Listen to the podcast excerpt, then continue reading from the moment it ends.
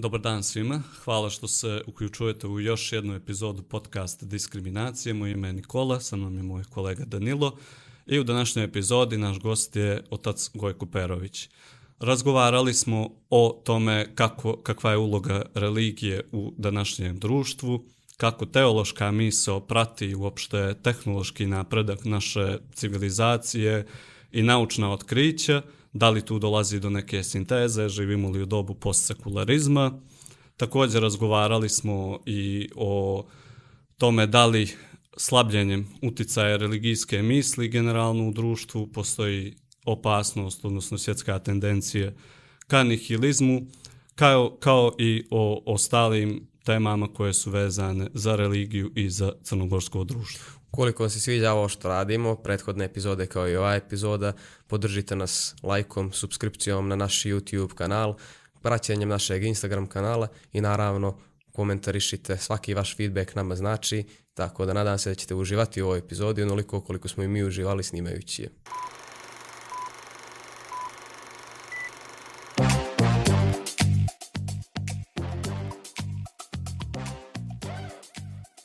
Oče Gojko, hvala puno prvo što ste izdvojili vrijeme, što ste, što ste se odezvali našem pozivu. Da vam kažem, Nikola i ja ovaj podcast dosta egocentrično vodimo, uvijek postavljamo pitanja gostu u smislu toga što mi najviše želimo da čujemo i naučimo od gosta. A ja već par dana razmišljam o jednoj temi o kojoj sam htio da vas pitam. Naime, duhovnost. Ja se bavim psihologijom i mi se bavimo definisanjem određenih osobina, određenih karakteristika. Možda jer je meni karakterno ona nije bliske ili strane, htio sam da vas pitam, pošto ja ne znam kako bih je definisao, šta je za vas duhovnost? Pa, mislim, kompleksno pitanje i, i teško da bismo mogli uh, tako jednoznačno na, na tako pitanje da odgovorimo. E, duhovnost može da bude jedna, kako bih rekao, isključivo subjektivna stvar, dakle, pitanje individualnog duha nečijega, a sad, ali ako se prije toga dogovorimo šta je duša, šta je duh, e, razlika između tih umnih, emotivnih, e, psiholoških stvari u čovjeku, onda da li je duhovnost i neka korelacija između ljudi, da li je to stvar neke zajednice, koje i kakve, šta podrazumijeva duhovnost jedne zajednice, vjerovatno podrazumijeva da se prethodno e, ljudi okupe oko nekog ideala, oko nekog cilja. Ovaj i da sprovodeći taj ideal ili vjerujući u njega, aj tako da kažem, upražnjavaju neku vrstu duhovnosti. E i neki treći stepen, ovako da kažem, u prvu ruku odgovarajući na to tvoje pitanje, e, za ljude koji vjeruju u Boga i ali recimo ako su hrišćani, ako su crkveni ljudi, onda duhovnost postaje stvar i nečega onostranog. Dakle, e, mi, e, da tako kažem, u crkvi se orijentišemo prema jednom pojmu koji se zove Sveti duh, duh Boži. A, Hegel je govorio o nekom svjetskom duhu koji se u toku istorije čovječanstva sam sebe spoznaje, pa je na kraju sam sebe valjda spoznao u Hegelom vremenu po njegovom vjerovanju. To je bila neka apologija hrišćanske Evrope u, u Hegelom smislu. Dakle, i kad kažeš svjetski duh i duh sa veliko D, opet ne znamo da li govorimo o istoj stvari. Ja kad kažem Sveti Duh mislim na, na Božju ličnost i to je onda sad već jedan odnos nas u ovome svijetu sa nečim što je sa one strane, nečim što je van onog pojavnog uglavnom, pojavnog u smislu empirije, u smislu racionalnog, ali nešto što jako tangira recimo dušu, srce, emocije, vjeru ljudi. Tako da bi za mene konkretno bilo duhovnost taj život ljudi, život zajednice u međusobnoj ljubavi, ali istovremeno i u vjeri prema nečemu što je s one strane i što je duh. Dakle, na nekoliko mjesta u Svetom pismu je rečeno da je uh, Bog sami duh, dakle nije Bog materije. I u, postoji samo jedan detalj u, u istoriji hrišćanske vjere kada je Bog postao čovjek, dakle to je ovo ploćenje Hristovo i to je jedna od osnovnih temelja hrišćanske vjere da je dakle da su se tu spojile ono što je ono strano i ono što je istorijsko, dakle u tačno se kaže u evanđelju u vrijeme Avgusta cara Oktavijana, u vrijeme popisa krenuli su Josif i Marija iz Nazareta u Vitlejem. Dakle to je vrlo konkretizovana stvar i evo sad sam imao jedno krštenje u crkvi kad, kada se čovjek kršta, on ispovjeda ispovjeda vjeru i kaže vjerujemo u jednoga Boga, Oca i, i u i Sina Božijeg Isusa Hrista koji u vrijeme Pontija Pilata razape. Dakle, opet jedna istorijska...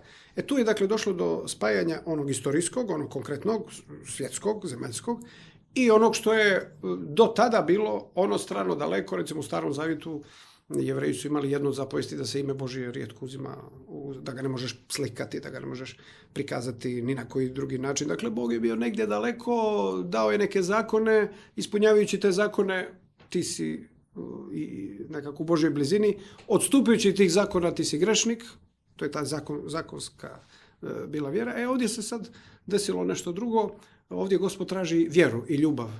Pa može čak biti čovjek i koji se ne drži svih zakona, a, da, is, a da voli. A, To je, to je novost a, Hristovca. S tim što hrišćanstvo nikad neće reći da je ono protiv normiranja duhovnog života. Nama trebaju neka određena pravila, to je očigledno.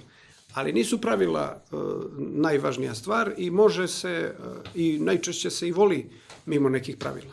A ideal hrišćanske duhovnosti je upravo dostizanje ljubavi, a to je, tu nema granice. Tu nema momenta kad možemo kažem, aha, jesmo li, sad, jesmo li sad ovo ispunili?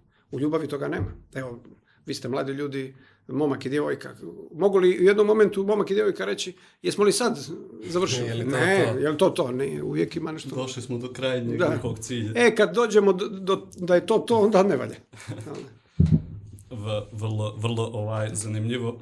A, s tim u vezi sad bih vas pitao, a, evo, u posljednjih nekih 200 godina od kako, se, kako je počela industrijska revolucija, imali smo i različite socijalne promjene u društvu.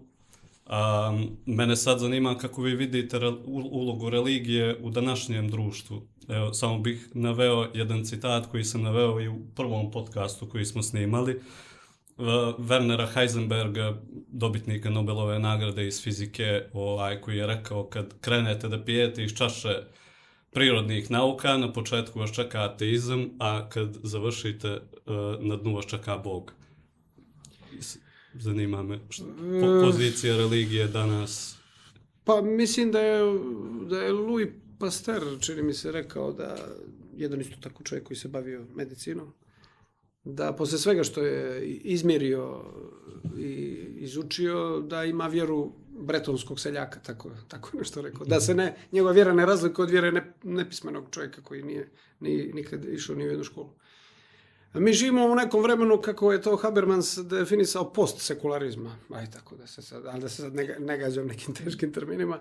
A, Ne vezujemo se za taj ne termin. vezujemo se, ali e, dosta on objašnjava. Dakle, i za sebe već imamo, pa bar 100 godina, ajde da tako kažem, bar 100 godina imamo jedan intenzivni proces sekularizacije svijeta, društva. A šta je to? Dakle, ajde da se mi bavimo ovim što vidimo i ovom, ov, sekularizam potiče od latinske imenice za vijek, za doba, ali na, misli se na ovaj vijek, na ovo vrijeme u kome mi živimo.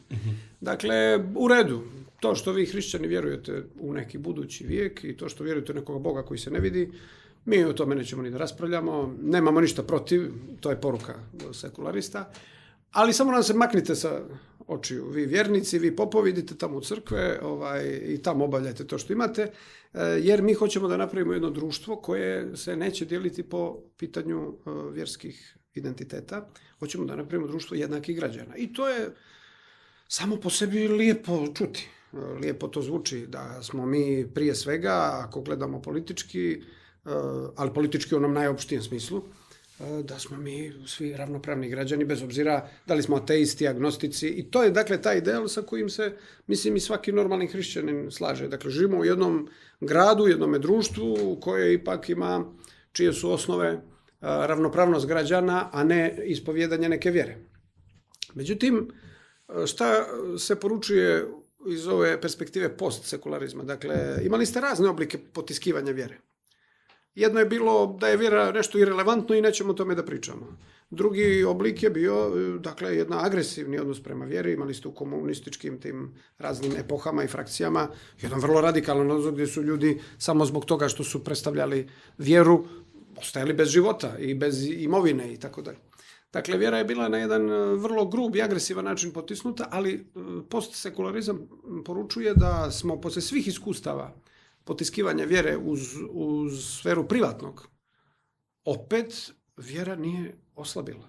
Naprotiv, vjera se pojavljuje u još nekim jačim, ubjedljivim e, oblicima društvenog okupljanja. I onda, ajde, otprilike postsekularizam hoće da kaže, ajde neka nam ostanu ovi ideali koji su dobri, da živimo u društvu ravnopravnih građana, ali očigledno e, ti isti građani imaju neke svoje predpolitičke ovaj, izvore nadahnuća u smislu moralnog e, etike, morala, pa ako hoćete i estetike ne znam, umjetnosti i tako dalje, na koje ih država ne može e, uticati niti oblikovati ta njihova ubjeđenja. Oni su negdje, možda su i arhetipski, možda su i u zoni podsvjesnog i tako dalje. Uglavnom, velika grupa građana predstavljaju neke kulturne zajednice, duhovne kulturne zajednice, a oni su istovremeno i građani. E sad šta da radimo s tim? Kako da redukujemo ovu njihovu duhovnost i ovu njihovu e, kulturu, ma, šta, ma kakva ona bila? Ne možemo. Jer upravo građansk, e, građanska civilizacija govori o poštovanju ljudskih prava, vjerskih sloboda i tako dalje. I koja je to granica dokle ćemo ipak tim vjerskim slobodama reći čekaj stani, ne možemo sad da pravimo od, od grada, od države neku parohiju. E, parohija je jedna stvarnost, a grad je druga. To su, mislim, mislim da nemamo gotova rješenja za to pitanje. To su otvorena pitanja savremenog svijeta. Dakle, religija pokazuje svoju vitalnost, religija pokazuje čak i svoj pozitivni uticaj. Dakle, nešto što će ljude motivisati da budu požrtvovani, da ne budu sebični, a, da, budu, da imaju jedan hu, humanitarni jedan odnos prema svijetu, dakle to jače ih na to motiviše ovaj religija nego neko, ne znam, građansko vaspitanje ili tako dalje. Du, dublji je taj odnos, ta, dublje su te emocije i tako dalje. Dakle, savremeno društvo se, se našlo u, u, u tom, dakle, čvoru, u tom rebusu, kako da i jedno i drugo sa postoji u, u savremenom svijetu i da se ne isključuje.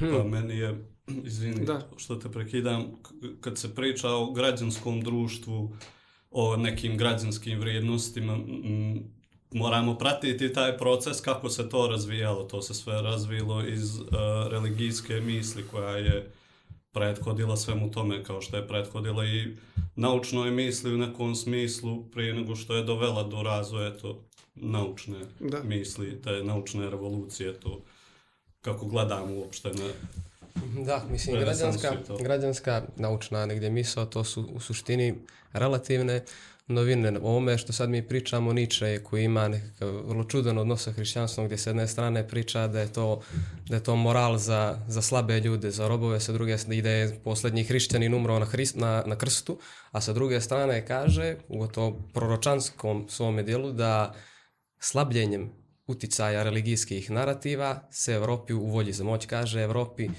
prijeti opasnost nihilizma. On je imao neku ideju da će sad nauka, kultura, umjetnost, estetika da zamijeni to. Da li se to danas dešava, ne možemo tačno da izmjerimo, ali što vi mislite, da li slabljenje religijskog narativa, da li mu je jedina alternativa pad u, nihil, u nihilizam, materializam ili hedonizam?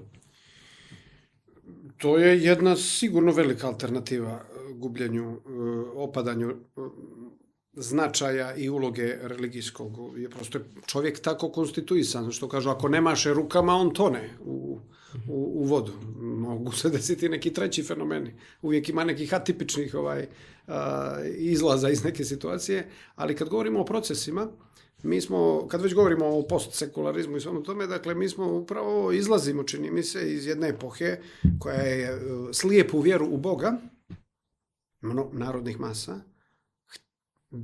bila zamijenila ili htjela da zamijeni slijepom vjerom u progres nauke i, i, i tehnike. I jedno vrijeme je zaista ličilo, ako pogledamo zadnjih 100 godina, recimo kraj 19. vijeka i prva polovina 20. vijeka, vi ste imali ekspanziju prirodnih nauka u svakom pogledu. Dakle, to je zaista ličilo da će, evo samo što nije čovjek sve objasnio. A onda je došlo do jedne vrlo teškog iskustva drugog svjetskog rata, prvog pa drugog, koje se završilo, pomenuo je neko Heisenberg od dvojice, ovaj, da, da. koje se završilo katastrofalnim uh, ishodom, posle koje su mislioci rekli da li više ima smisla pisati pjesme, da li više ima smisla praviti pozorišne predstave, da li ima smisla više biti čovjek posle iskustva uh, koncentracijnih logora, ge, ge, holokausta i, i atomske bombe, na primjer. Jer i atomska bomba nije samo stvar nauke, nego i to je stvar rasizma. Dakle, gledao sam, gledao sam u jednoj uspješnoj seriji, TV filmu, ne znam kako je to bilo, Nirbeški proces je u pitanju bio, dobri su glumci, mislim da Alec Baldwin glumi nekog od onih pravnika američkih i u jednom momentu Geringa drže u, u, ovaj, u zatvorskoj ćeliji i dodirali smo jednog stražara koji komi su rekli nemoj slučajno ništa s njim da pričaš jer to je jedan ovaj, opasni demagog koji, će, koji može da te zavede. Vi znate, sami Gering se otrovao u ćeliji, on u prstenu u svom imao neku, neku jetro. Ali u jednom improvizovanom razgovoru koji pitanje da li si ikad desio, vjerovatno je to scenarista ubacio, ali vrlo duboka misla, raz, razgovara ipak on sa Geringom i kaže mu kako, kako ste vi bili tako, zašto ste te jevreje, zašto ste cigane i slovene, ubije, vi ste rasisti. A ovaj Gering kaže njemu i vi amerikanci ste rasisti. Kaže vi ne biste atomsku bombu bacili na Berlin. E, nikad. Jer to su vaši rođaci, to je, -hmm. to je -hmm. germanski narod ili sjeverno sjevernoatlantska civilizacija, kako god, ne znam koji izraz. Nego ste to bacili tamo na neke žute Japance koji su daleko i tako dalje. Mislim, to je jedna ovako provokacija da je taj rasizam izgleda ugrađen i u Pa evo, koliko posle svijet, drugo, koliko posle te atomske bombe se Amerika nosila sa problemom crnaca, pitanjem slobode e, crnaca, pa koliko, skoro je ukinut apartheid u, u jednoj isključivo zemlji koja, iako je na jugu Afrike, ali je po, po svom mentalitetu evropska bila zemlja, to je Južnoafrička republika. Dakle, E, mi živimo neke procese i upravo mislim da živimo u vremenu kada je jasno da i nauka ima svoje granice. Ne samo granicu u saznanom smislu da mi ne možemo ništa e, konačno znati, kao što su recimo poruke savremene astronomije da e, jeli, šta, je poru, šta je konačni iskaz savremene nauke, da je, te, to je teorija relativiteta, na primjer ili e, poruka savremene ove, astronomije da se svemir širi od velikog praska, ali u astronomiji prepoznaju moment kad je on počeo da se uvlači u sebe. Mm -hmm. Ajde mi sad nađite racionalni iskaz koji može da prati to, da se svemir uvlači u sebe. A to znači da se i prostor i vrijeme uvlači u sebe. Ili, uh, ovo ja ovako javno pričam, nadam se da će se pojaviti neki fizičar da me demantuje, što meni neće biti na sramotu, nego će biti do, dobra stvar ako me demantuje. Uh, Dakle, izučava se atom do najsitnijih detalja, rastavlja se na proton, elektron, neutron, pa od čega se ovo sastoji. Na kraju smo došli, makar dok sam ja pratio fiziku, ne znam, možda vi znate, do nekih kvarkova, koji su nemjerljivi koji kad kreneš da ih mjeriš, oni mijenjaju, su, mijenjaju svoj da, oblik. Se to, pa to je taj Heisenbergov princip nesigurnosti. Da čestica se, kad se posmatra, nije u istom obliku kad, kao kad se ne posmatra. Ona, on, ne zna se da li ona postoji kad nije posmatrana, kad svjetlost nije Čini mi se da sam negdje pročitao da je to toga što su oni toliko, toliko su male da, da, da svjetlost ja ne može da ih da Prolazi između, kao da, kao da svjetlost uh, nije taj snop svjetlosti nije dovoljno debeo da uhvati te čestice, nego prolazi između njih. Meni nije drago kao vjerniku da nauka nema odgovor na sve, ali mi je drago u smislu onog radikalnog ateizma koji je provejavao kroz neke, da tako kažem, naučne ideologije. E, dakle, postojala je neka, pa možemo reći politička ideologija i komunizma i, kako da to nazovem, scientizma da prosto mm -hmm. nauka će riješiti sva, sve naše probleme, naravno vezani su za ma, ovaj materijalni ovozemaljski život, svi ti naši problemi. I sad nekako zanimljivo mi je da čujem da u posmatranju svijeta oko nas, u najširem smislu, i u posmatranju najmanje čestice, dolazimo do istog ishoda. Ne možemo da mjerimo. Da. Ne možemo da sagledamo. Ni početak, ni kraj.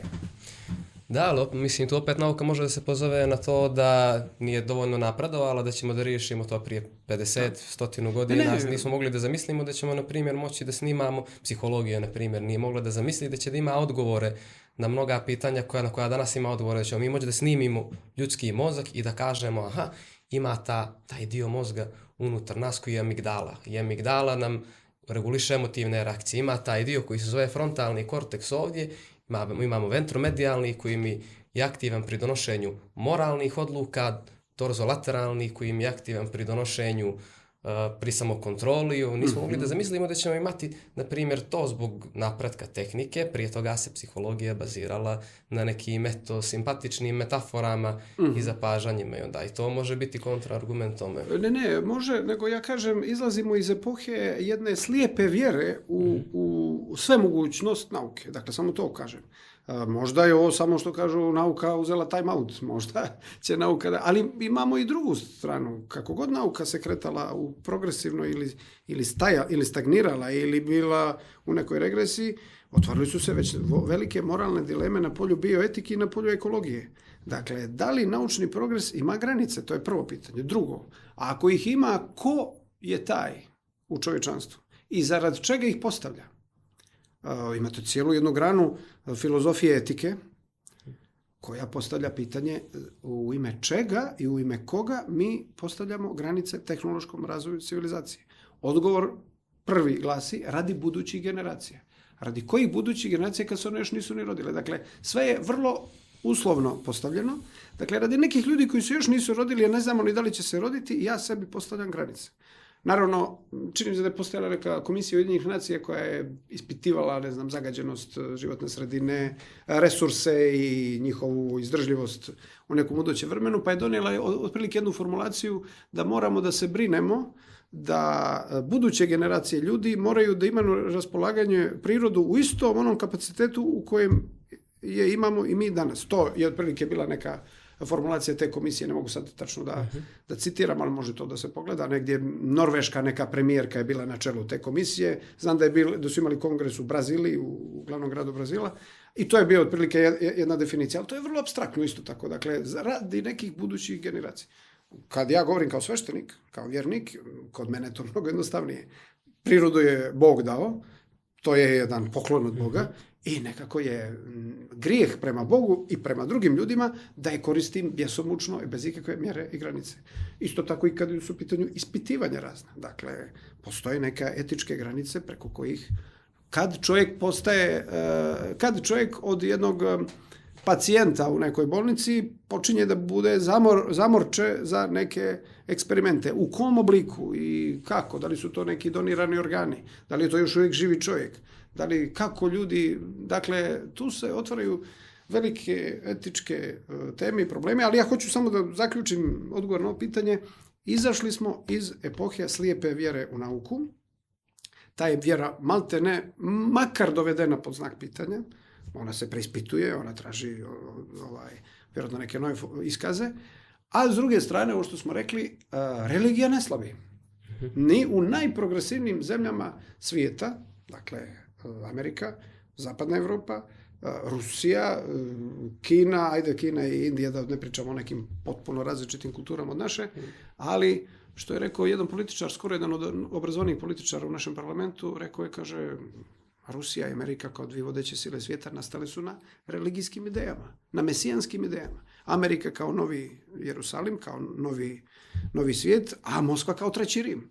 I još ne možemo da sa sigurnošću da kažemo da ta ideja ne postoji. A da ne pričamo o tome šta sve krasi američko društvo od onog dolara, mi vjerujemo Boga, do, do tog isto, takvog istog natpisa u kongresu. Skoro je pored Bajdena bio katolički sveštenik koji je. Dakle, prisustvo religije ne slabi. I sad se postavlja pitanje šta sa tim očiglednim religijskim potencijalom, kako ga upotrebiti na dobro, cijeloga društva i kako da religija ne bude razlog da se ljudi, ne znam, raznose dinamitom u, u autobusu i da, kako da religija ne bude razlog za terorizam, za sukobe, za svađe, nego da je to dobro od religije usmjerimo na izgradnju bolje građanskog društva. To su sve, kažem, otvorena pitanja. Ha, ovaj, a čini mi se, mislim ne samo na osnovu vašeg razgovora sa vama sad, nego i na osnovu stvari koje radite, da ste vi otvoreni za priču sa raznim, raznim ljudima na ove teme, ovaj, da gledate negdje i blagonaklono, čini mi se, demantujte me ako, ako grišim, da iz perspektive i religije odgovorite na neka nova naučna saznanja, to pominjate ekologiju, zaštitu životne sredine. A kako gledate, na primjer, na, jesi li mi ti rekao, da je katolička crkva priznala veliki prasak ili, ili to dezinformacija. Na... Ja mislim da su oni u toj svojoj doktrini, jeli, da kažem, prihvatili taj čin kreacionizma kao čin velikog praska. Kako gledate, na, na, na primjer, na prilagođavanje ili možda kompromis e, principe iz religije sa novim naučnim saznanjima? D- definitivno za duhovni život nisu, nije potrebna nauka da bi čovjek živio duhovno i da bi spasao svoju dušu. To je, to je prva poruka. Toliki ljudi živjeli su i žive u crkvi svoj duhovni život, a da nemaju nikakva naučna saznanja. Duhovni život se odnosi na, da tako kažem, na neku drugu frekvenciju realnosti, a ne onu koja može da se iščita jezikom nauke. Ali isto tako vjera nije posvađana sa naukom. Dakle, mnoge stvari vjere mogu da se kažu jezikom nauke. Postoji čitav, čitav jedan pokret u, u krilu katoličke crkve. Pravoslavna crkva nije imala nikakvog istorijskog vremena da se time bavi. Ona se većinom borila za goli život i opstanak dok je katolička crkva bila u situaciji da vodi društvo značajno vrijeme, da tako kažem, to, taj, kad mi kažemo srednji vijek, pa zamišljamo kao to je neki tamo vremenski čumez, nešto mračno, to je trajalo bar hiljadu godina. Dakle, Da, pa- to je možda, to je možda najkonstantniji uh, u is, periodu istorije čovječanstva kad je u pitanju ne, neki kulturni oblik života. Dakle, od, kako ono učimo, od pada Rimskog carstva pa do otkrića Amerike. Pa to je hiljadu godina. Hiljadu godina je, dakle, eh, hrišćanstvo oblikovalo društvo, način razmišljanja i tako dalje. I onda je zaista katolička crkva bila u jednom iskušenju, to sad vidimo po odlukama papskim i po odlukama ovih posljednjih koncila, da se oni čak i kaju i šalju izvinjenja javnosti i nauci. Znamo šta je, kako je, šta je bilo sa Giordanom Brunom na, na rimskom trugu I sa 1600. cijelim narodima Amerike. Da, ne, ali hoću da kažem, uh, hoću da kažem, bilo je jedno iskušenje da se crkva postavlja kao sudija nauci. Što se pokazalo potpuno ovaj da kažem besmisleno. Jer crkva i nauka govore moguće u istoj stvari ili različitim jezicima, različitim metodama.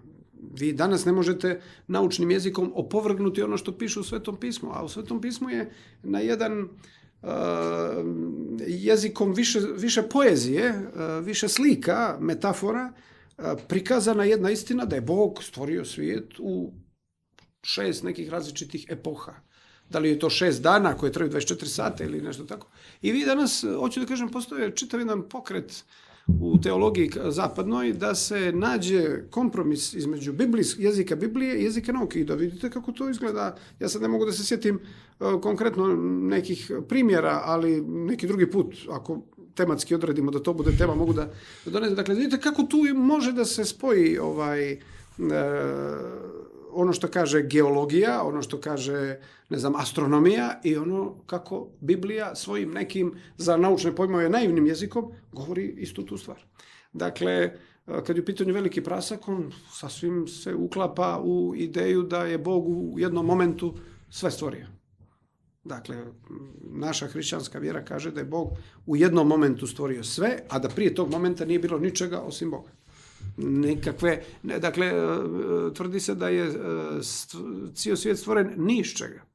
Nije postojala, kao što su Grci stari vjerovali, neka masa koju Bog kao demiurg oblikuje kosmos, jeli, kao kozmetičar. Da. Kao što radi kozmetičar sa, sa, sa, sa frizurom, tako Bog ima, da ima neku kosu koju je poslije, ne znam, šišao, frizirao i tako dalje. E, to su vjerovali stari Grci da materija je savječna Bogu, i da je Bog vječno nešto oblikuje, preoblikuje i tako dalje. E, u hrišćanskoj viziji prosto postalo jedno ništa, ali baš ništa, poslije čega je nastalo nešto. Ni iz čega. I to kasnije ima reperkusije na antropologiju. Dakle, šta je onda čovjek u takvom jednom sistemu? I čovjek je izašao iz ništavila i sklon je, što bi rekao Niče, vraćanju ništavilo, ako nema Boga. To je hrišćanska antropologija. Dakle, čovjek tu liči na jedan mobilni telefon koji ima aplikacija puno, koji je napravljen za velike stvari. Dakle, ako ovaj mobilni telefon ima 50 stotinu funkcija, čovjek ih ima 50.000, ali ako nije na punjaču i ako nije na mreži, možeš da ga baciš. Ovaj telefon. Mm -hmm. mogu, pa samo da, mogu samo da se slikam s njim, što bi se rekao. Pa to je ovo što je postmodernizam jeli, donio u antropologiju, to posmatranje čovjeka ne kao nekog aktera individualnog, potpuno odvojeno od čitavog živog svijeta, već kao nekog ak aktera mrežu koji non stop interaguje sa, sa čitavim živim svijetom, sa stvarima oko sebe, s ljudima, s bićima oko sebe. Mislim da je to bila jedna od, od paradigmi koja je opšte pomjerila uh, taj mm, to puko gle, uopšte izučavanje jeli, čitavog, čitavih tema u društvenim naukama, u humanističkim naukama. I mislim da je to, to je mnogo bliži pogled na ono kako mi zapravo funkcionišemo u svijetu, nismo odvojeni na nekakvom pijedestalu, ono, opet čovjek je li manji od uh, životinje, veći od anđela ili što god, ali nismo na pijedestalu, nego smo i tekako dio ovog svijeta i, i tekako je bitno šta radimo u ovom svijetu, kako se odnosimo. Apsolutno. I mislim, opet, ja sam dosta optimističan što se tiče neke budućnosti, opet ovo, ja također ne mislim da su religije i nauka dvije neke suprostavljene strane, mislim da je uopšte... One su, one su suprostavljene samo ako jedna i druga uđu u neki radikalizam, radikalizam je spaliti čovjeka na lomači zato što kaže da se ovaj zemlja okreće oko sunca, je li? Da. I radikalizam je ubiti popa, a što se isto desilo, strijeljati popa, jer zagovara da je Bog stvorio svijet na kraju kraja. Mislim, mi smo ovdje imali neko učenje da su naše sveštenike strijeljali jer su bili navodno saradnici okupatora, ali neki 30 godina prije toga u, Sovjetskoj Rusiji su isto tako streljani sveštenici koji bez ikakvih okupatora. Dakle, u pitanju bila ideologija koja je imala sve neke, neko je to nazvao lijeva skretanja, ne znam kako se to zvalo, imale sve te radikalne iskaze. Dakle, kad nisu u radikalnom stanju, u agregatnom stanju radikalnog, radikalizma, onda i jedna i druga mogu da se postoje i čak i da se nadopunjuju nauka i religija. Vjerujem kome religija treba i kome nauka treba. A ovaj. Međutim, postoje ideologije političke, čak sad moram i to da kažem, koje se oblače u ruho uh, scientizma i kao eto sve će nama nauka da riješi, kao što postoje političke ideologije koje hoće da se obuku u ruho vjere i da vjeru zlopotrebe u neke uh, političke svrhe. Tako da prosto uh, ja sam zagovornik Njegoševog egzistencijalizma koji kaže šta je čovjek, a mora biti čovjek, tvarca jedna, što ga zemlja vara, ali za njega vidi nije zemlja. Eto. Sve je rekao i hrišćansku vjeru i egzistencijalizam, ako hoćete, 19. i 20. vijeka... Drago mi je što ste ga nazvali egzistencijalistom. Jer... Pa ne, nego, pa ne, on, on misli mitropolit pokojni Amfilohije je pokrenuo pred saborom jednu inicijativu da se njegoš kanonizuje kao svetitelj i napisao mu je tropar u kome kaže, između ostalog, o, osvrćujući se na, nje, na njegovo stvaralaštvo, kaže, oplakivao si uh, tužnu ili mučnu ljudsku sudbinu, između ostalog, Njegoš. Dakle, koliko god je Njegoš govorio o Bogu i o, i o nebeskome, a jeste zaista, i to je okosnica njegovog stvaralaštva, to je, to je njegovo prvo nadahnuće. To da postoji Bog, da postoji vječni život, tu nema sumnje ovaj, kod Njegoša, da je duša, da ljud, ljudska duša jeste besamrtna, opet citiram Njegoš, ali se isto tako on sa tom dušom i sa svim tim što nosi e, nit vječnosti ovdje, on, što je jasno da on živi u ovom svijetu, kaže, tvarca jedna što ga zemlja vara. I onda dodaje, naravno, ali za njega vidi nije zemlja. Sad, treba pomiriti sve te. E, a pr posebno prvi stih interesantan, kaže, šta je čovjek, ne zna, a mora biti čovjek. E, to je pravac egzistencijalizma. Dakle, ja nemam kada čekam da riješim teorijska i metafizička pitanja, moram da živim. E to, to je, e, ne, kućete već egzistencijalistu od Njegoša. To je praktično, mislim, mene to i podsjeća i na Heideggera u njegovom Dasein i to Absolut. u svijetu uprkos nečemu što je tu negdje... Pa to nekad uprkos, neka, nekad uprkos, nekad u skladu, nekad to, mi, mi živimo, ne znam, neko će reći neke cikluse, neko će reći neke promjenje, ovaj Špengler će reći da živimo cikluse istorijske koji se stalno obnavljaju, ja ne vjerujem u to, Uh, ja sam više zastupnik tog nekog linearnog istoricizma kao, kao hrišćanin, jel? Ovaj, ali prosto živimo u građanskom svijetu kad je sve na tržištu ideja, Pa izvolite. Bira Birajte, Birajte, kapitalizam. Da. A htio sam, htio sam ovako da vas pitam ono što, eto, dotakli smo se malo od toga kako, kako religija i njena uloga u društvu evo, evoluira ovo što danas, što danas gledamo. Koliko smatrate da je zapravo u skladu sa nekim origin, originalnim Hristovim učenjem i filozofijom. Na primjer, koliko je sama podjela hrišćanstva na pravoslavlje, katolicizam, protestantizam, ta podjela, koliko je zapravo ono u skladu sa Hristovim učenjem? Da li je Hrist uopšte bio za institucionalizaciju ili birokratizaciju religije? Kako posmatrate to? On sigurno nije bio ni za, za birokratizaciju, sigurno ne. A, a, pa možemo da kažemo, uslovno rečeno, nije bio ni za institucionalizaciju, ali je ostavio crkvu u ome svijetu. Gospod Isus Hristos je ostavio crkvu u ome svijetu i ako ja danas kažem da li, su, da li je odlazak mojih sinova od kuće i njihovo započinjanje nekih njihovih života u skladu sa originalnom e, početnom fazom u kojoj su oni bili u kolijevkama, a ja njih nosio na rukama, mogu da kažem da to nema veze s tim, a ima. Dakle, ja kad su oni bili svi kod mene u kući, kad su bili mali i ja ih vodio za ruke i da piške i da kake i tako dalje, dakle, to su isti ovi ljudi koji sad e, počinju neke svoje živote. I sve je nešto u vezi s nečim. Iako možda nekad neka faza uopšte ne liči na onaj original, ali to je, e, o tome lijepo govori Eh, Hegel kada kaže da svaki razvojni proces ima svoju tezu, kojoj slijedi antiteza, pazite, znači nešto što, je, što liči na potpuno suprotnost, ali ni ta antiteza nije kraj, nego sleduje sinteza. Pa onda imate mnoštvo malih svih tih lanaca teze, antiteze, sinteze, koje onda dovode do nekog procesa. Tako da, eh, vjerujem da, apsolutno duboko vjerujem da Hristo zamisao nije bila da se svađamo oko njegovog imena, ali je negdje on ostavio proročanstvo da je došao da donese mač na ovaj svijet i da, se ljudi, da će se ljudi posvađati oko njega. Dakle, mm. prosto će se posvađati jer, jer je to malo pitanje i emocija, nije samo pitanje neke, neko, neke racionalizacije.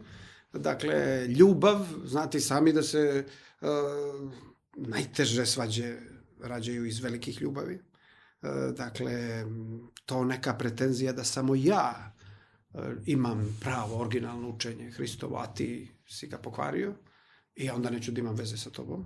Dakle, to, su, to, to nije u pitanju, nisu u pitanju naučni instituti koji se ne slažu u, u, u, u ovaj, kako bih rekao, u eksperimentima nego su u pitanju e, zajednice emotivne koje prosto ne mogu, kao on, pa znate li e, kako je bilo kad je Milko Đurovski prešao iz Crvene zvijezde u Partizan? To je Aha, da, evo sad Nikola aha, Ivanović iz budućnosti u pa eto, Crvenu zvijezdu. Da, da.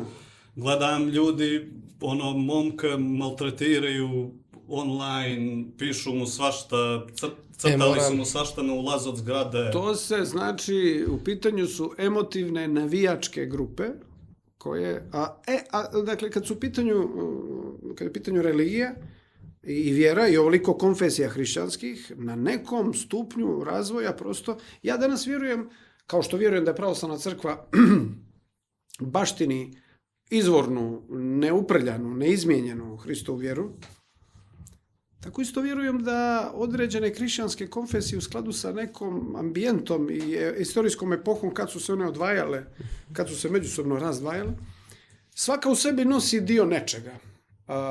Evo, na primjer, ako me pitate šta to imaju katolici što mi nemamo, a bilo bi dobro da imamo, ja neću da vam kažem da bi bilo dobro da mi imamo papu jer se pravoslavna crkva protivi tom učenju o kako katolici vide papu, ali ne bi nam falilo malo nekog centralizma administrativnog i organizacionog, jer onako djelujemo prilično nekad decentralizovani do nefunkcionalnosti. Djelujemo tako, dakle, Dakle, ta neka vrsta organizacione e, jedinstva, subordinacije u, koja potiče možda iz civilizacije koja je dala rimsko pravo, koja je dala neki neki sistem, mada se to jednako čuvalo i na uh, rims, romejskom, rimskom istoku Vizantiji kao i na zapadu, ali dakle ne bi nam malo ne bi nam falilo te kulture, onoga reda, recimo kad uđete u bilo koji katolički samostan, kako odiše uh, skladom, redom, mirom, ovaj, kod nas to nekad zna da izgleda malo haotično, što opet nije negativno, ali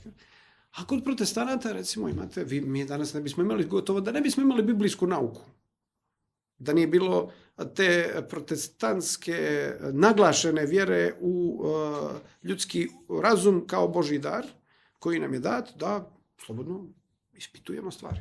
A ne da samo slijepo vjerujemo, nego da i ispitujemo. Dakle, pa onda recimo taj humanitarizam, uh, humanitarni pokreti kod protestanata, imamo ih i mi, ali recimo zbiljan u pravoslavnoj crkvi ne postoji u toj mjeri izraženo da neko zapali iz Londona u, na jug Afriki da tamo rizikuje da umre od, od malarije, ne znam čega, kako bi ovaj hristijanizovao neko afričko a, pleme pa ga samim tim možda i kultivisao, jer sa tim protestantskim ili katoličkim sveštenikom još ide i škola i, i bolnica e, i tako dalje.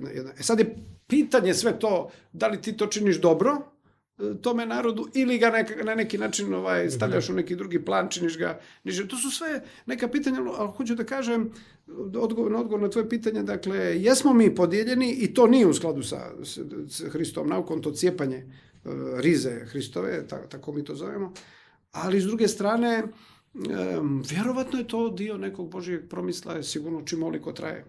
Da su generacije su provele život u toj podjeli. Da, pa pomenuli ste, pomenuli ste taj, taj koncept, dotakle ste se ovaj, vas dvojice zapravo toga, što kažete dobro navijački, moja grupa i, i druga grupa. U, makar meni lično, kad vidim da je, da je nečije viđenje svijeta kad raspravljamo o metafizici obojeno sa mojom grupom protiv neke druge grupe, u tom momentu mi gubi legitimitet razmišljanja. Vi što kažete, ovaj, eto, podijeljeni smo tu i stvarno ste izvukli neke lijepe stvari od, o, sa svake strane tu, ali sad kad gledam na primjer ove podjele kod nas, sad, mm -hmm. sad dolazimo u Crnogoru, do, nema, dobro, nemamo dvije crkve, imamo tendenciju ili misao da treba da imamo e, dvije crkve koje sasvim slučajno korelišu savršeno sa i dva politička narativa nacionalna, srpstvo mm -hmm. i crnogorstvo. I kad to preslikam na, na tu tendenciju za postanje dvije crkve, meni se nameće zaključak da mi popravo da vam kažem, eto, da ne rizikujem da me neko sačeka posle ovoga na ulicu, da i nismo neki hrišćani. E, ovo kako se u javnom prostoru, koga smo pomenuli na početku, mm -hmm. diskutuje o crkvi, to je zbilja e, najviše liči navijačkim grupama. Dakle, jedna potpuna isključivost e, koja barata pojmovima izdajnika i, i nekih a, okupatora, ne znam, suprostavljenih strana, e, četnika, ustaša, ljudi se nazivaju četnicima, ustašama koji nikakve veze nemaju sa ta dva vojno-politička, da tako kažem, pokreta i koji između sebe ne mogu nikako ni da se uporede po, po meni ovaj, to, taj, ta dva pokreta, nebitno sad to. Dakle, e, ali ono kako se u Crnoj Gori danas priča o tome, to se isključivo radi, većinom radi na, na, ovaj, na, toj, na, na nivou navijačkih suprostavljenih grupa, gdje racionalni argumenti gotovo ništa ne znače. A, to je jedno. Drugo, a, e, danas živimo u vremenu, sinoć smo mogli da čujemo na jednoj tribini kako danas svak može da snimi film. Evo, pogledajte, mi snimamo ovaj podcast u jednoj dosta, da tako kažem, skromnoj atmosferi tehničkoj, ne treba nam televizijski studio da bismo, odnosno već smo ga, ne treba nam puno e, načina da ga napravimo. Tako da imamo jednu produkciju filozofije šta kome padne na pamet, koja se plasira na društvene mreže, u medije i gotovo da, čini mi se nekad da gubi smisao istorijska nauka, teologija, sociologija, ne znam, društvene nauke koje bi možda trebale da su ispred svega ovoga da nam tumače i objasne šta je istina i šta su neke nesumnjive činjenice, ništa od toga nema. Dakle, naučnici, pravi ljudi koji su čitav život posvetili izučavanju nekih oblasti, o kojima se danas puno priča, oni su potpuno defanzivi. U prvom planu su polupismeni ljudi, uh, što kažu juče, koji su prošli neke kurseve, neke večernje škole, teologije, istorije i ne znam nije, oni su zasjeli na neke portale i svakodnevno nastruju moram upotrebiti baš taj izraz, truju nas mržnjom, onom baš navijačkom mržnjom koja je ovaj, koja više priliči futbolskom stadionu. Znate ono kad, kad se pjeva u, u, u stihu i rimi psovka na račun roditelja nekog igrača.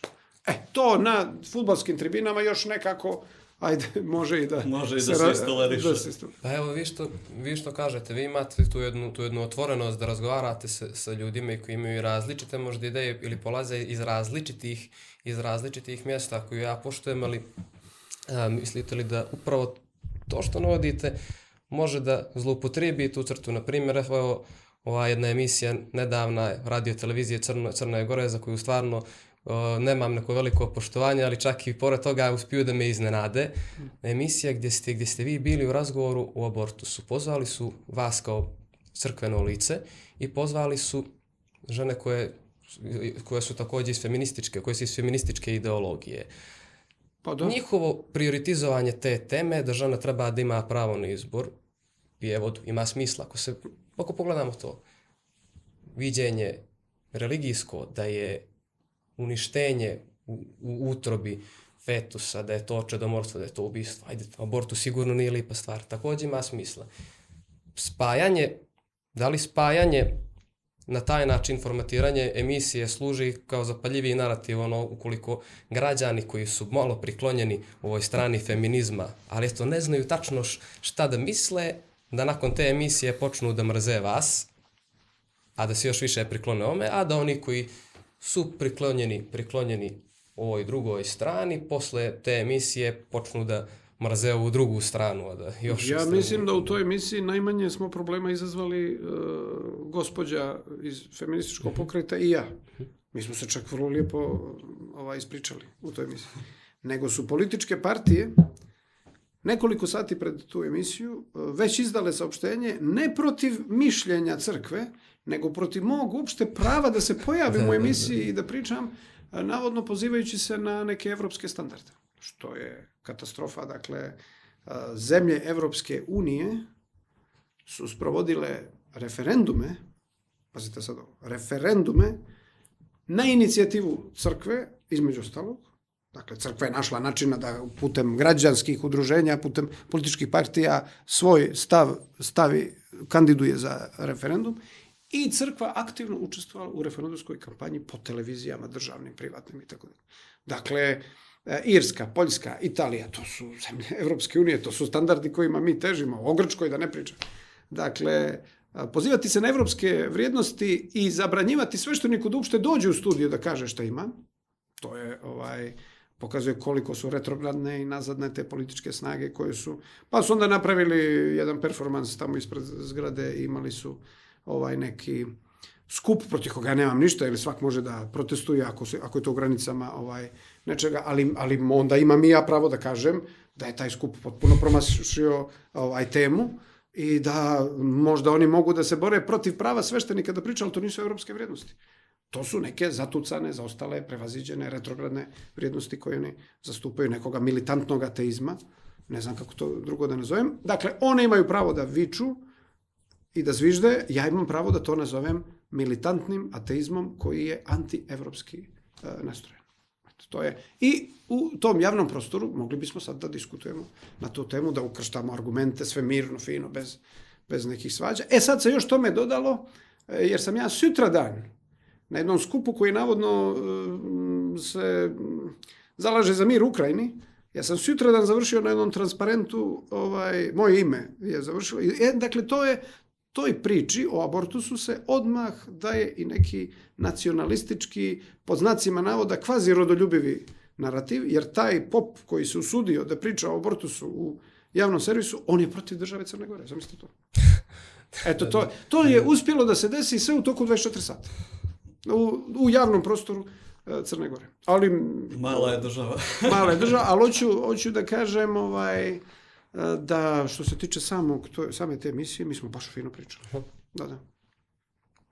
Ovaj, ja bih se malo vratio na ovu temu. O, o, pričali smo o pravoslavlju, evo sad smo opet se dotakli uh, koliko politika jeli, ne može ni da se odvoji od religije u nekom smislu opet.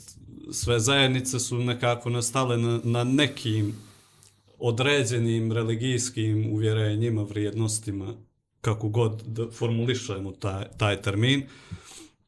Meni je, uh, jed, opet, Danilo je pomenuo ovu tendenciju da u Crnoj Gori imamo dvije pravoslavne crkve. Uh, pojam etnofiletizma koji sam pročitao kod Nikolaja Berzajeva, mislim, znam da nije on to da. formulisao, ovaj koji govori o približavanju crkvene i, i državne vlasti, nešto je kao suprotno sekularizmu, ajde tako da, da. kažem.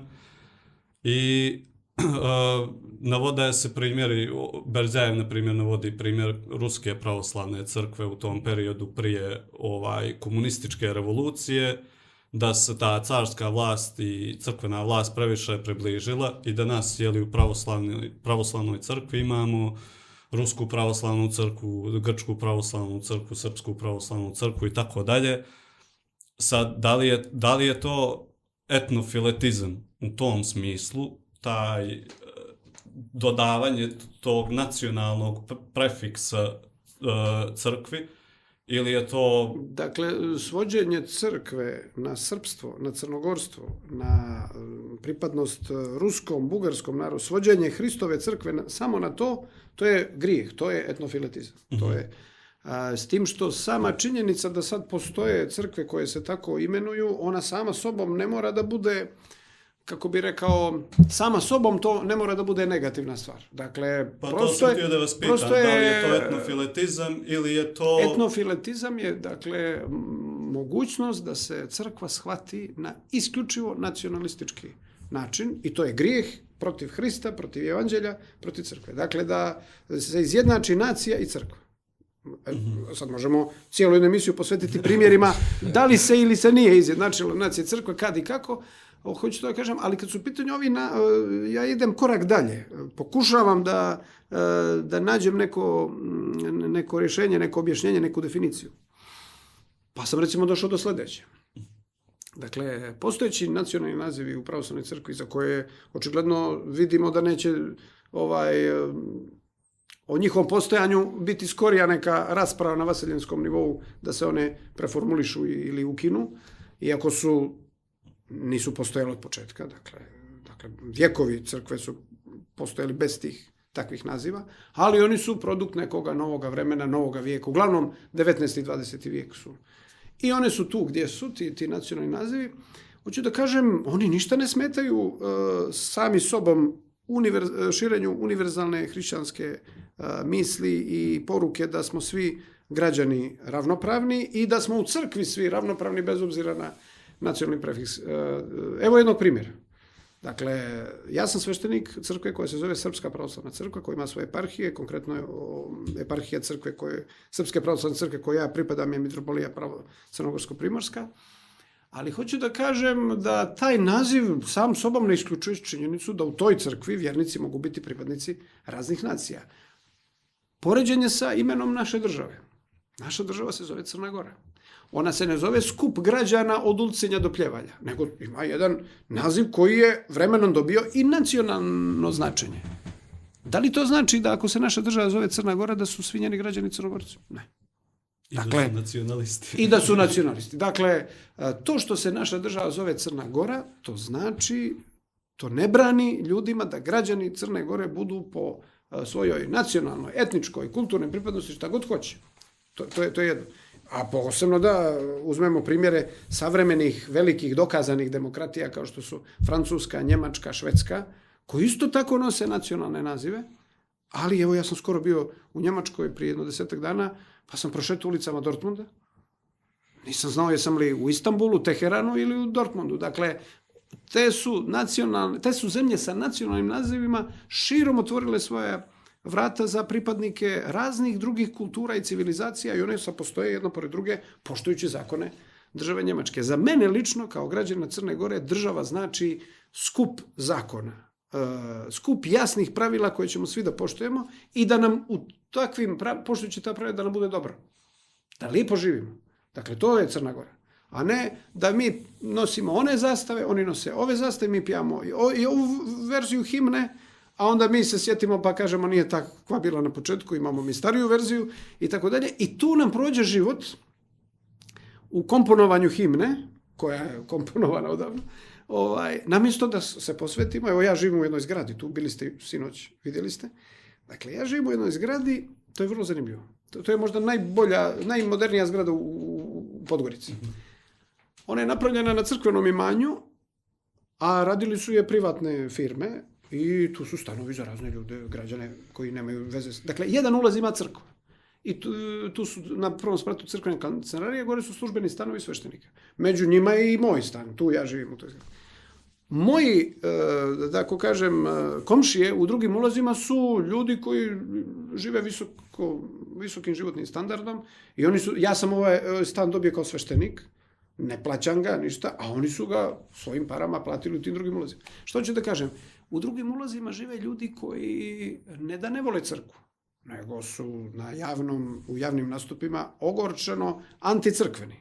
Ali šta se dešava? Kad se sred, pošto u toj zgradi je svima dobro, Dakle, svi žive u dobrim stanovima, tu su dobre garaže, tu su, ne znam, neke šifre, rampe da se uđe i tako dalje. Znači, svima dobro, pod jedan.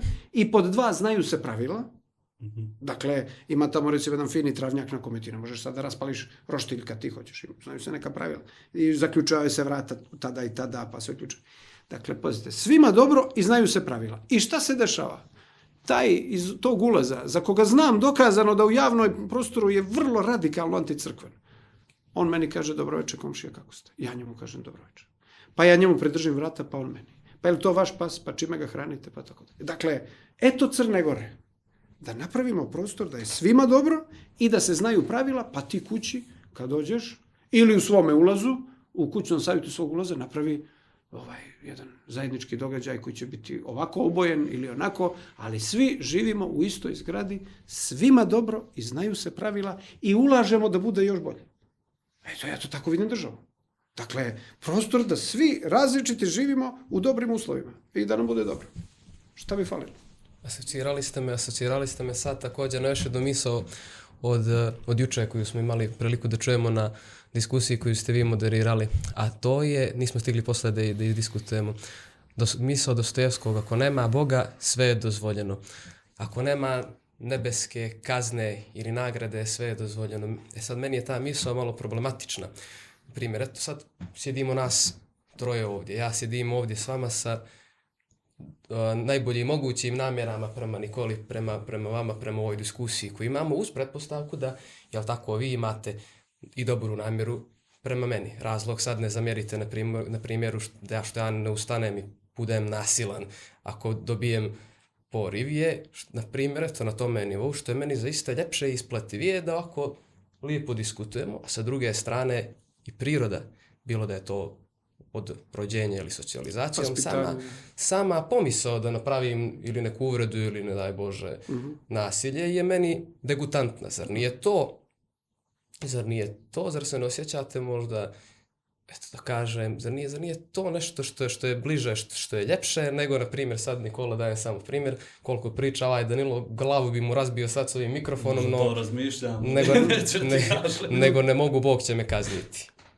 A pa dobro, ne mora to da bude baš tako, um, kako bi rekao, simplifikovano. Ovaj, uh, taj uh, tvoj odnos mnogo je bolje i isplativije da ovu emisiju završimo normalno i da niko ne čupa ove kablove i tako dalje. A ako nije samo to, nego sam i tako vaspitan da je nas, ne volim nasilje, ne vo, nisam, ga ni, nisam ga ni vidio u kući i ne volim ga i tako dalje. Znači sve su to neki, mogu da budu neki sekundarni razlozi, ali primarni razlog svega toga, otkud to vaspitanje da bude red u kući? A, otkud e, ta e, potreba da je sve harmonično? Dakle, to su neka dubinska filozofska pitanja. Otkud čovjeku potreba za redom i mirom? Da li je on nastao vaspitanjem, ako jeste kojim i kako je nastalo to vaspitanje, da li može država da ga normira nekim svojim zakonima? Može. Jer ako bi došlo do nekog nasilja, vjerojatno bismo sa trojica završili u policijskoj stanici ubrzo, ako bi neko prijavio, pa bi onda... E, da li je strah od spuža ili, ili novčane kazne nešto što će da me a, drži pod kontrolom? To je sigurno nešto na, na što primarno vremenski ne ilazimo, ali je sekundarno u smislu e, suštinskog značenja mora da postoji neki motiv, neka želja za redom, za pravdom koji se tiče, ponavljam, sad sam obavio krštenje, ako nema a, vizije vječnog života, to je neka moja sad filozofija, ako nema vizije vječnog života, onda su svi ovi razlozi jako slabi i mogu da se a, vrlo brzo premetnu u svoju suprotnost ako ne postoji nešto zbog čega bih ovaj, zbog čega ne bi posegnuo da ovo sve ovdje prisvojim za sebe. To možda nije neprijatnost koja bi izazvala vaša borba da, za svoju imovinu, pa bi onda nastao rat, nego prosto ja bih mogao da nađem neka sofisticirana sredstva da, da vam sve ovo otuđim i tako da.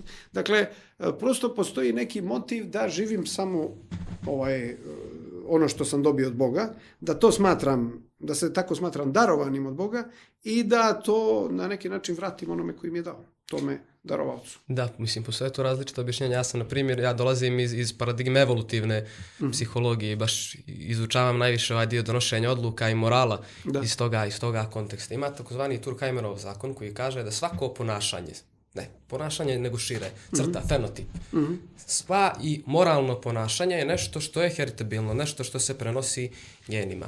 U, recimo, ukoliko ljudi, što sam ja bezobrazniji, što sam kompetitivniji, ja ću da budem hipotetički uspješniji. Nije, ne mora da znači da je baš tako. Da. Snaga čovjeka, jes, ako sam tigar, ako sam tigar, što sam jači i agresivniji, bit ću uspješniji. Da. Ali ljudske zajednice, na primjer, preživljavaju tako što imaju ogromnu moć da budu altruisti, da budu dobri jedni prema drugima i onda bi se moglo vratiti, vratiti na to da ukoliko smo iz konteksta evolucije preferirali os osobe i preferirali zajednice koje imaju moralno ponašanje, mm -hmm. koje imaju altruizam, mm -hmm. koje su, imaju samokontrolu razvijenu, da će ta osobina sve više i više da, da ostaje u našim genima. Sigurno. Još ako ćemo da je, da će, još ako ćemo da je ojačamo kulturom, religijom i institucijama, e onda nemamo problema, onda smo e, Ja sam upoznat sa tim, e, da ako kažem, da tom socijalnom psihologijom, ili ne znam kako bi to nazvao, evolutivnom, da se dosta stvari vezanih za moral i duhovnost može objasniti materijom i prenosom gena, e, nervnim završecima i krvotokom, mozgom kao jednim savršenim, ali opet materijalnim mehanizmom. E, I to je jedno, jedan legitimni stav. Ja nekako imam neku potrebu da se zanimam, a kako je to sve nastalo i onda me to pitanje dovede do, do problema. Dakle, mi, ja lično sam zagovornik jedne umjerene e, evolutivne teorije da svakako Bog, što kažu, navio nas i pustio da se sami krećemo. Ne interveniš svaki čas. Tako da, zbilja kad spojiš konja i magarca, dobiješ mazgu, mazgu. čini mi se. Ali ne možeš dobiti Dostojevskog ako spojiš, ovaj, ne znam, čovjeka sa ni bilo kog čovjeka, ni bilo koju ženu. Dakle, prosto postoji ne, ne, neka vrsta a, po vjerovanju crkve datih, od Boga datih premisa, a u te premise spadaju i ljudske vrste, pa čak spadaju i ljudske rase u te premise. Neka za današnju nauku naivna, ali predanjska, opet ponavljam, moguće arhetipska priča je da sve rase postoje od tri Nojeva sina, mhm. Sima, Hama i Jafeta, i da su se kasnije po zbrkom vavilonskom rasijali na na sve strane svijeta i da su nastali ti osnovni neki jezici, a mi danas možemo u okviru recimo slovenske grupe jezika da posmatramo razne jezike i razne kulture u okviru, pa u okviru južnoslovenske možemo da govorimo o raznim. Evo danas na prostoru bivše Jugoslavije dobili smo bar četiri jezika i pogledajte kako se zove uh, predmet koji se uči u crnogorskim školama. Crnogorsko, bosansko, srpsko, hrvatski, e, to, sa zarazima da. i, i crticama koje ja nikad neću naučiti. A to ima, a to ima i neko sociološko, i istorijsko, i političko m, pozadinu, kako je to sve nastalo. A Biblija vjeruje da je slovenski jezik jedan od onih 60 početnih jezika koji su se našli u Vavilonskoj zbrci uh -huh. uh, jezika. Dakle, m, ovaj, ne piše tu u Bibliji, nego to je, da tako kažem, vjerovanje crkvenog predanja. Dakle, ja sam za neku umjerenu teoriju evolucije koja će dosta od toga što si ti rekao da prihvati kao, kao jednostavno evidentnu stvar posmatranjem, jeli, ovaj, izučavanje. Problem sa evolucijom je što ne postoji dovoljno trajući ovaj, kako bi rekao, eksperiment. Dakle, ljudski vijek nije, pa evo da, da pretpostavimo da neki naučnik evolucionista u, u svojoj desetoj godini već spreman da posmatra i neka mu Bog da dobro zdravlje do 80. godine, opet nije dovoljno da bi on mogao da, da sprovede bilo koji eksperiment. Znam da su uh, evolucionisti posmatrali neke leptire u Londonu, ako sam to dobro zapamtio, ti ćeš me ispraviti, uh, da vidimo šta oni rade, ti leptiri.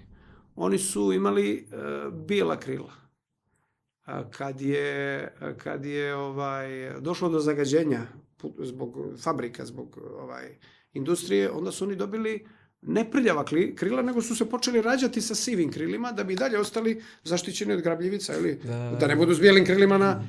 Kad su ugrađeni filteri, dakle, to u pitanju je ipak jedno opažanje koje se tiče možda nekih 50 godina. Kad su ugrađeni filteri za prečišćavanje tih dimnjaka, opet su se po- počeli kotiti ili leći ovi leptiri sa, sa bijelim krilima. Da, to je E, problem. Da, to, dakle, sad, da li je to evolucija ili je to mimikrija vrste u odnosu na životnu sredinu, privremena sposobnost da se, kameleonska neka, dakle. Se, semiotika, Da. ono, im- imitacija okoline u cilju adaptacije na, na okolinu. Što i mi umijemo, je li? Pa, ljudi definitivno umiju, Da, da, da. koja, koja, koja životinska vrsta to pokazala, to su, ja mislim, ljudi. Pa da, to je problem. Ili na sociološkom nivou Crnogorac kad dođe u Beograd. Tako se uklopi fenomenalno da odmah postaje direktor. to je, to je, da, to je problem sa teorijom, sa, sa evolucijom, ovaj, što da bismo jednu, da bismo jednu osobinu kao konstantu u populaciji zadržali, dakle, ajde sad hoćemo da napravimo da svi su preko 1,80 m. Da. Ili hoćemo da napravimo od pasa da su svi psi manji od pola metra. Treba 11, čini mi se, generacija da bi, da bi, se, da bi se ta da bi se zadržala ta jedna osobina. To, tako da, to, to Da, problem. a mi smo, od kad se Darwin pojavio sa svojom knjigom, mada, Nije prošlo, mada je li pita- prošlo 11, 300 Ma godina? da, 11. Kakvih 300 prošlo je, koliko nije ni 200 godina prošlo od, od Da. Origin of Species 1859. A i pitanje, čemu sam čitao je, nešto, a, pa a pitanje je da li bi Darwin e, tu svoju naum prepoznao u savremenim varijetetima raznih teorija evolucija. Jer ako se sjećam u predgovoru e, porijeklo vrsta, on negdje kaže, ljudi, ja neću da se svađam sa crkvom. Sad, ovo nije napisano da bismo se svađali sa, sa crkvom. Dobro, eto, to su, evo, ovo su teme o kojima može da se priča. Malo mi znamo uopšte o tome. Tako je, da, mislim, postoji tu mnogo različitih, različitih pravaca, to kritika na evolutivnu psihologiju kojom se ja bavim, biolozi je- i su pisali knjigu Ava jadni Darwin, ono što smo mi napravili teoriju evolucije, mislim, tu sad može čovjek da diskutuje. Meni, na primjer, vas da zanimljivo bilo, što ajde da ne kažem djetetu, nisam bio dovoljno zreo da razmišljam o tome, mlađem adoles, adolescentu, što kažete, se vraćamo, zašto je to baš tako? Uvijek mi je bilo e, fascinantno zašto je, prom, zašto je promiskuitet e, moralno loš. Zbog čega? Ajde, mogu da, mogao sam da shvatim. Aj, mislim, bio sam... Pa bio zato što volim da moja majka je bila samo sa mojim ocem. Dakle, to je jedan e, moralni temelj moje neke emotivne sigurnosti, moje neke moralne, dakle, sama pomisao da je moja majka, ovaj, ne daj Bože, žena koja je bila sa pola grada, e, ne znam, ne mogu da zamislim moju, a, moju psihologiju. A, Isto tako, vjerujem da i moja djeca isto to osjećaju, to je jedna vrsta, možemo reći, tradicionalističkog, ali e, i univerzalnog nekog ljudskog osjećaja da prepoznam majku, da prepoznam oca, da prepoznam porodicu kao što, kao što su mnogi, pa i ovi ateistički, marksistički govorili kao osnovnu ćeliju društva. Ako je promiskuitet nešto što je ra- bara bar sa ovim a, porodičnim načinom života i tim, da tako kažem, monogamnim a, vezama, onda je to sve dolazi u, pod znak pitanja. Da, meni je to uvijek bilo, uvijek bilo fascinantno pitanje. Razmišljao sam, ok, ubistvo potpuno logično, laž potpuno logično, prevara potpuno logično, ali promiskuitet. I onda negdje postoje objašnjenja zašto je to tako. U sredini gdje ja se borim, ništa mi, šta mi može biti bitnije od toga da imam djecu, da imam, da prenesem i svoje gene na sljedeću genera- generaciju u sredini gdje imamo muškarce, gdje je promiskuitet visok, velika je opasnost da će tu još pištolja koje nosimo da će tu da se zapuca. Ili sa druge strane, na primjer, socijalna epidemiologija koja ima zanimljiva objašnjenja, kaže da je osnova konzervativizma ili osnova toga što se kažnjava promiskuitet da se zadrži zdravlje zajednice. U smislu sprečavam da u moju zajednicu uđu bolesti i virusi. Dakle, to se ne isključuje. Tako je. Ono što je Bog odredio da bude jedan čovjek, jedna žena i tako dalje, ne isključuje se sa svim kasnije što mi povežemo i shvatimo šta to sve nosi. Kakve samo, samoregulatorske mehanizme za, zajednice ta Božja zapovijest.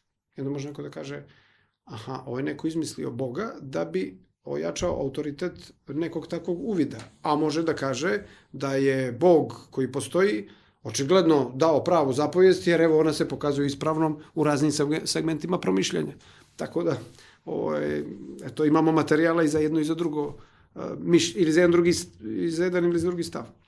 Da, zanimljivo je što, eto, počeli smo, počeli smo sa metafizikom, jeste završili, završili s etikom, uvijek, uvijek se dođe do, dođe do toga da imamo korelaciju, ne kauzaciju, da je to stvari izbora odakle se, odakle se krene pri toj Da, očigledno je nešto, očigledno je, postoji nešto dublje od e, nečega što možemo da, da opišemo, da objasnimo, da izračunamo, da podvučemo crtu. Postoji nešto dublje u čovjeku, nešto ne, neopisivo, što ga orijentiše neko, m, ja sam čitao dosta zanimljive i uspješne racionalne objašnjenja, psihološka, evolutivna, za sve.